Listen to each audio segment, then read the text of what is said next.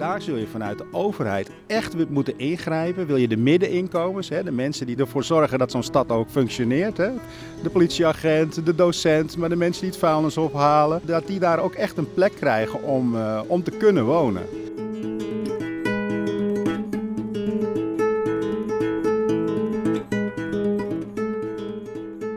Dit is Op de Bouwplaats, een podcast waarin we op zoek gaan naar ontwikkelingen in de bouw. Iedere aflevering zoeken we naar antwoorden op een bouwlocatie ergens in het land. De podcast wordt mogelijk gemaakt door Buildsite, onafhankelijk marktonderzoeksbureau voor de bouwsector. Ik ben Marielle van Tilburg en ik maak deze podcast samen met Helle Jochems. Onze derde aflevering gaat over het tekort aan huurwoningen.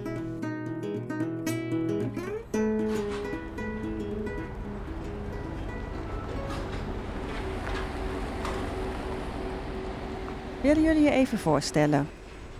Ik ben uh, Frans van Zwam, ik uh, ben van Buildsite. Ik ben met name bezig met uh, onderzoeken naar de materialen en volumes in Nederland. Maar ik doe ook onderzoek in het buitenland.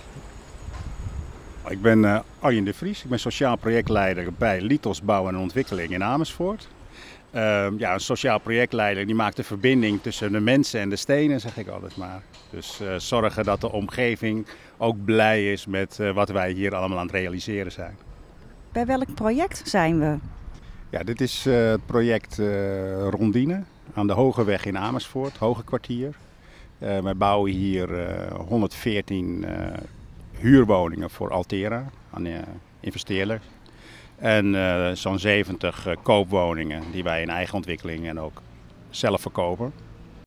Je hebt het over 114 huurwoningen. In welke prijsklasse zitten die? De aanvangshuren eh, zijn vanaf 840 euro. Is dat wat we middenhuur noemen? Ja, middenhuur is eigenlijk vanaf 720 euro tot ja, 1100. Maar goed, wel vanaf 840. Dus er zijn uh, mogelijkheden om hier in de middeldure huur te huren. Zullen we eens gaan kijken? Nou, welkom. Kom verder.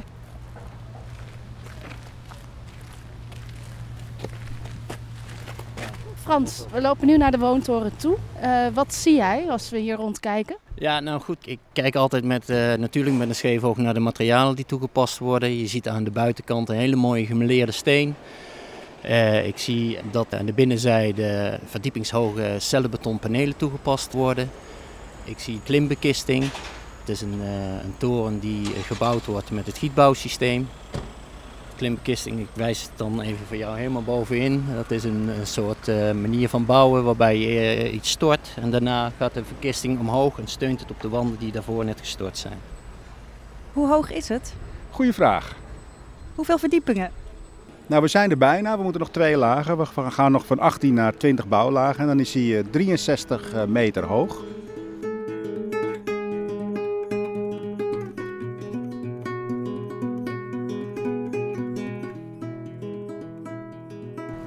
Kun jij een landelijk beeld schetsen hoe het eigenlijk met de huur in Nederland zit op het moment? Het probleem zit er met name in de middelhuurwoningen. Uh, je hebt uh, in Nederland uh, zeg maar drie segmenten huurwoningen. Je hebt de sociale huurwoningen tot 720 euro. Dan heb je de middeldure huur. Die zitten dan tot ongeveer 1000 of 1100 euro. En de vrije huur die daar weer boven zit. Het probleem is dat steeds meer mensen niet meer in aanmerking komen voor sociale huur en te weinig geld hebben om uh, in de vrije sector huur te gaan of te gaan kopen.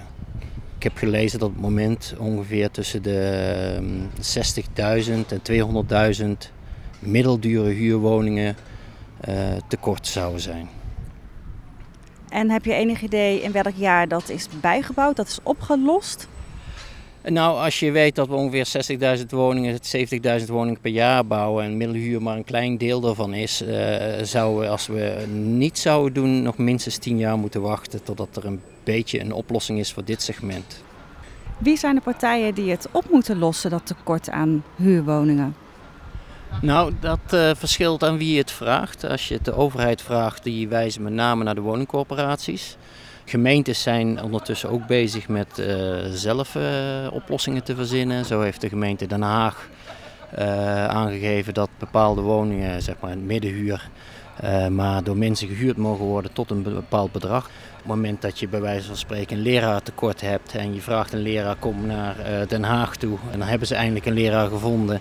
Die komt daar zitten, maar er zijn geen woningen vrij. Hij komt dan door zijn iets te hoog loon net niet in aanmerking voor een sociale huur. En hij verdient te weinig om een woning te kopen of in de vrije sector te zitten. Dus dat blokkeert op het moment uh, heel erg de doorstroming. Eigenlijk doorstroming in de stad, maar sowieso ook in het land. Kunnen beleggers nog iets betekenen in het bijbouwen van huurwoningen? Dat zou kunnen, alleen op het moment maakt de overheid het niet aantrekkelijk voor beleggers om, om in dit segment te investeren. Relatief zijn de woningen vrij duur voor beleggers om te maken. En uh, nu krijgen ze vanuit de overheid de verplichting om de woning bijvoorbeeld 25 jaar in het middensegment te houden. Op het moment dat je dan een woning hebt die uh, vrij hoog in het, in het middensegment zit, dat betekent dat je na twee, na drie jaar misschien al met je gewone huurverhoging eigenlijk boven dat segment zou komen. Maar dat mag dus niet. Dus moet je eigenlijk woningen gaan verhuren onder de marktwaarde. En dat is natuurlijk niet interessant voor een, uh, uh, voor een belegger. Je moet je voorstellen in Amsterdam, als je er midden in Amsterdam staat en je kijkt om je heen, is meer dan 50% van de woningen in bezit van de corporaties. Dus dat is sociale huur. Probeer maar eens een kamertje te krijgen in Amsterdam. Dan betaal je gewoon de hoofdprijs voor een uh, klein slaapkamertje met een gemeenschappelijke keuken. Daar begint het al. Dus dat gat is extreem in Amsterdam. Dus daar zul je vanuit de overheid echt moeten ingrijpen. Wil je de middeninkomens, hè, de mensen die ervoor zorgen dat zo'n stad ook functioneert. De politieagent, de docent, maar de mensen die het vuilnis ophalen. Dat die daar ook echt een plek krijgen om, uh, om te kunnen wonen. Uiteindelijk zou je moeten gaan kijken van subsidieer je nu de woning of subsidieer je nou de mens? Want je kunt natuurlijk ook kijken van nou, als, als een woning een bepaalde marktwaarde heeft, maar degene die belangrijk is voor de stad en daar zou moeten wonen met vier slaapkamers, ik noem maar even wat, zou het ook kunnen pleiten van dat je subsidie zou krijgen, zodat je toch betaalbaar kunt wonen.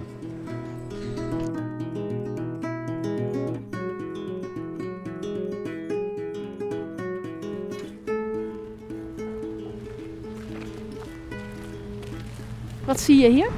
Uh, dit zijn aluminium kozijnen. Die staan hier al uh, op bokken klaar om uh, zo omhoog gehezen te worden. deze kozijnen zijn nog niet voorzien van beglazing. Ze worden dan zeg maar op de plek beglaasd. Ik zie een QR-code op het bord bij de kozijnen. Zullen we die scannen? Ja, dit werkt heel mooi. Ja. Want op het moment dat een bok leeg is, dan en je maakt nu een foto met je iPhone, dan maakt hij meteen een e-mail. En uh, dan wordt deze bok leeggemeld en wordt hij opgehaald. En zo, uh, dat scheelt enorm veel in de logistiek. En dan werken we weer heel lean. Kan je nog in één zin uitleggen wat lean is, lean bouwen? Ja, lean bouwen is op het juiste moment met elkaar afstemmen wie wat moet gaan doen, op welk tijdstip en wanneer wat geproduceerd moet worden. En daar kom ik een beetje tegenin als uh, uh, uh, sociaal projectleider. Want lean bouwen betekent niet altijd voor de omgeving dat die strakke planning ook leefbaarheid garandeert voor de omgeving. Ik kom nog heel even terug op het sociaal projectleiden. Kan je daar nog iets meer over vertellen? Wat is dat? Nou, het sociaal projectleiderschap is eigenlijk ontstaan vanuit een periode die al even weer achter ons ligt. Voorheen zaten we in die Finex-locaties. Dan zit je eigenlijk aan de randen van de steden waar je als bouwer je nieuwe buur uh, tegenkomt. En dat is een andere bouwer of een andere ontwikkelaar. Maar uh, doordat je veel meer binnenstedelijk bent gaan bouwen, kom je opeens andere mensen tegen. En dat zijn de omwonenden en bewoners in de omgeving. Ja, en als je dan alleen maar in stenen denkt en je vergeet eigenlijk de mensen, maar ook bijvoorbeeld de particuliere kopers die in die wijk aanwezig zijn, ja, dan denken wij dat je het niet goed doet. Want uh, je moet meer niet meer denken vanuit stenen, maar je moet meer denken uit wijkeconomie. En als je denkt vanuit wijkeconomie en wijkrendement, dan uh, ga je veel meer samenwerken met corporaties, met gemeenten, maar ook als bouwer. Om als uh, ja, één team zo'n wijk weer op een hoger niveau te brengen.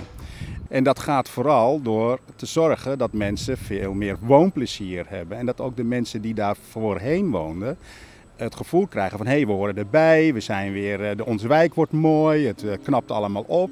En dan uh, zorgen we met z'n allen dat die wijk er beter voor kan staan.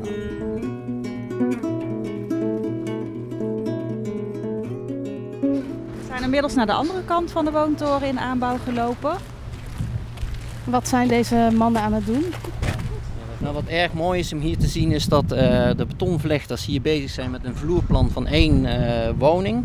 Die wordt helemaal hier al in elkaar gevlochten, inclusief al de leidingen. Je ziet de afvoerleidingen, je ziet de verwarmingsleidingen. Alles wordt al op de grond aangebracht. Nu is alles goed te controleren. Je kunt er makkelijk bij, je staat niet gevaarlijk, uh, je kunt er omheen lopen.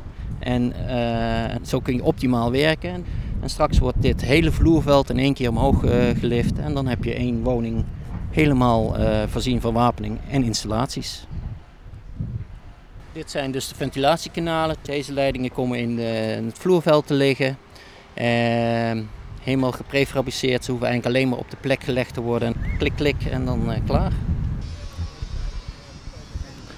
Verder als we hier helemaal naar boven kijken zien we het, uh, het, het, skelet van het gebouw. Dat is opgebouwd uit een gietbouwsysteem.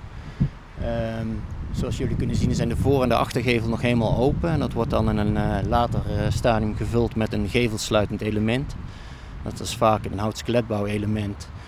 En dat wordt dan in één keer als complete pakket aangebracht, zodat de voor- of achtergevel in één keer dicht zit. En daarna maak je er een mooi metselsteentje voor en dan is het klaar. Nee, gemiddeld uh, Woning. de woningen. Ja. Van 110 naar, uh, naar nu onder de 100 meter. Ja, de sociale woningen. Gemiddeld, gemiddeld, ja. ja. Wat, wat, vertelde je net, Arjen? Nou, je ziet de afgelopen jaren, en dat is eigenlijk al een trend van de afgelopen 10 jaar, dat we steeds kleiner gaan bouwen. Met name hebben we het dan over appartementen. Waar komt die trend vandaan? Het heeft te maken met de druk op de markt. Hè? Dus als jij toch uh, goedkopere huur uh, in het middensegment wil realiseren, dan moet je aan een aantal uh, knoppen draaien. En ja, dat zijn de bouwkosten, grondkosten, de bijkomende kosten. Nou, je, je ziet natuurlijk ook dat de beleving van de mensen aan het veranderen is. in de jaren 60 wilde iedereen een, een huisje met een tuintje, want iedereen kreeg een gezin van vier, vijf kinderen. En nu is dat veel minder en uh, je ziet gewoon uh, demografisch gezien steeds meer uh, jongeren die langer alleen blijven wonen. En die het liefst naar een stad gaan. Ja, en dat verklaart waarom de woningen wat kleiner kunnen worden tegenwoordig. Dat verklaart met name waarom de appartementen wat kleiner kunnen worden. Er is ook een andere trend aan de gang. je hebt natuurlijk ook senioren die steeds meer naar appartementen trekken en die willen graag een wat grotere woning hebben. Dus er zijn een aantal trends die een beetje tegen elkaar inspelen. Maar afgelopen jaren zijn de gemiddelde, is de gemiddelde woning duidelijk wel kleiner geworden. En is er ook steeds meer hoogbouw, dus steeds meer appartementen ten koste van de grondwoningen? Ja, dat zien we ook duidelijk stijgen. Dat heeft gedeeltelijk te maken met dat we steeds meer in het westen zijn gaan bouwen. We bouwen ongeveer de helft van alle woningen in Nederland nu in West-Nederland. Dat zijn dan Noord- en Zuid-Holland en Utrecht. Uh, daar is de grond uh, beperkt uh, en daarnaast willen men zo dicht mogelijk bij de stad gaan wonen. Dus dan krijg je steeds meer hoogbouw. Wat mij altijd opvalt, en dat komt ook omdat ik werkzaam ben in Bergen op Zoom en ik daar naar de woningmarkt kijk, dan denk ik van nou, wat een kansen liggen hier joh. Als je gaat kijken dat vanaf nou, de bovenkant van Amsterdam, zo langs de kust Den Haag, over die hele bandbreedte, is het vastgoed niet te betalen. Zijn enorme tekorten aan woningen. En dan kom je bij Zeeland, en dan houdt de wereld op. En dan denk ik van ja, uh, wat een kansen liggen hier om gewoon hier, daar is ruimte, daar is uh, behoefte, daar, uh, daar, daar kun je gewoon nog een leuke woning huren hoor. En ook nog een leuke woning bouwen en ook investeren. In de toekomst zullen er natuurlijk wel kansen ontstaan. Gisteren was in het nieuws dat er een eiland voor de kust van Ierland mensen aan het werven is om daar te gaan wonen. Ze zijn ook aan het vergrijzen en ze hebben internet aangelegd met een superhoge snelheid. Dus ze proberen mensen binnen te halen die heel erg bezig zijn met, met extern werken. Uh, die mensen kunnen dan op het eiland goed werken, goede verbindingen overal naartoe. En hebben toch uitermate de, de rust. En, en daarmee willen ze voorkomen dat het eiland eigenlijk uh, leeg gaat lopen op, uh, op langere termijn. Dus het is ook belangrijk om nieuwe vormen te vinden. Ja, en ik denk dat zeker voor Zeeland, maar ook voor Limburg, de Achterhoek, dat dat uh, methode zou kunnen zijn om mensen wat meer te behouden in de regio. Want we kunnen natuurlijk wel blijven bouwen in het westen, maar we komen op een punt dat we genoeg woningen hebben en dat we een schil hebben van alle provincies die niet uh, in de drie hoofdprovincies vallen, uh, Utrecht, Noord-Holland, Zuid-Holland. waar heel veel woningen staan die we dadelijk moeten gaan slopen. En dat is natuurlijk ook niet duurzaam. Heb je tot slot nog een tip voor de mensen die nu heel hard op zoek zijn naar een huurwoning? Nou, ik, helaas heb ik niet de oplossing. Ik, zeg dat, ik denk dat we echt grotere stappen moeten gaan maken. Ik raad jongeren aan, eh, onder de 23, om zeker altijd in te schrijven. En uh, op zoek te gaan naar een leuke woning. Zorg dat je ingeschreven staat bij een corporatie. Ja, je moet soms 10, 15 jaar wachten. En als je jonger bent dan 23, dan is dat vaak sneller op te lossen. Wat moeten de senioren doen? Heel veel senioren in Nederland hebben een prima pensioen, hebben een goede portemonnee en die kunnen prima naar een appartement. Ook in een wat duurder segment. Uh, maar ja, die stap moet je wel uh, nemen en de mogelijkheid moet er zijn. Dus als die midden, middendure huurwoning, als die echt geregeld is, is dat probleem ook opgelost.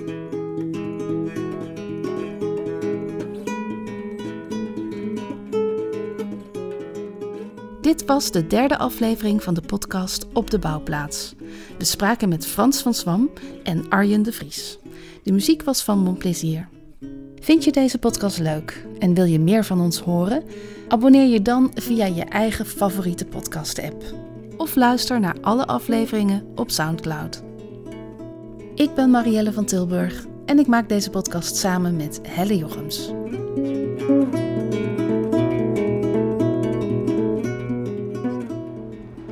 Jij niet naar Zeeland, Helle? Ja, ik wil nog steeds naar Zeeland. Ik kan alleen geen leuke baan vinden daar. Maar je wil voor de rust en de ruimte, toch? Ja, niet voor de bebouwde omgeving.